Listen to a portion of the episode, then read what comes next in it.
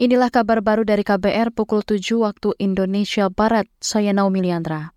Komisi Pemberantasan Korupsi KPK menahan sembilan tersangka kasus dugaan korupsi pemotongan tunjangan kinerja pegawai di Kementerian Energi Sumber Daya Mineral ESDM.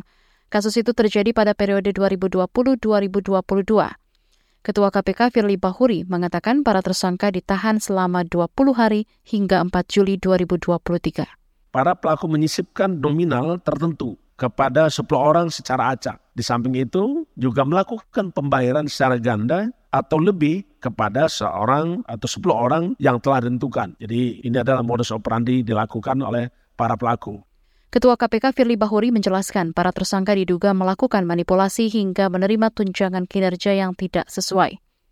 Dari tunjangan kinerja sekitar 1,3 miliar rupiah ternyata yang dibayarkan mencapai 29 miliar sehingga terjadi selisih atau kelebihan bayar sekitar 27 miliar rupiah.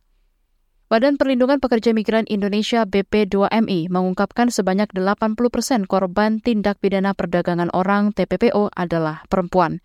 Kepala BP2MI Beni Ramdhani menyatakan banyak di antara mereka berkemampuan berbahasa asing yang minim, tidak mengetahui akan bekerja apa di luar negeri, hingga minimnya keahlian yang dimiliki.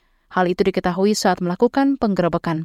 46 kali penggerebekan di pusat, 26 kali saya mimpin langsung. 161 saya selamatkan di Bekasi dan semua perempuan.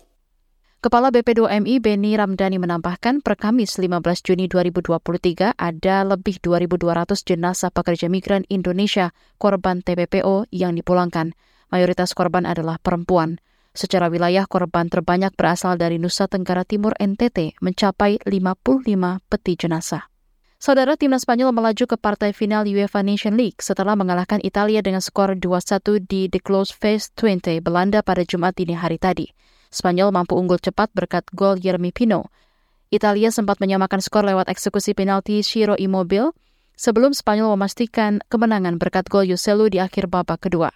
Berkat hasil ini, Spanyol pun berhak lolos ke partai final untuk menghadapi Kroasia. Sementara itu, Italia harus menjalani partai perebutan tempat ketiga melawan Belanda. Demikian kabar baru KBR, saya Naomi Liandra undur diri.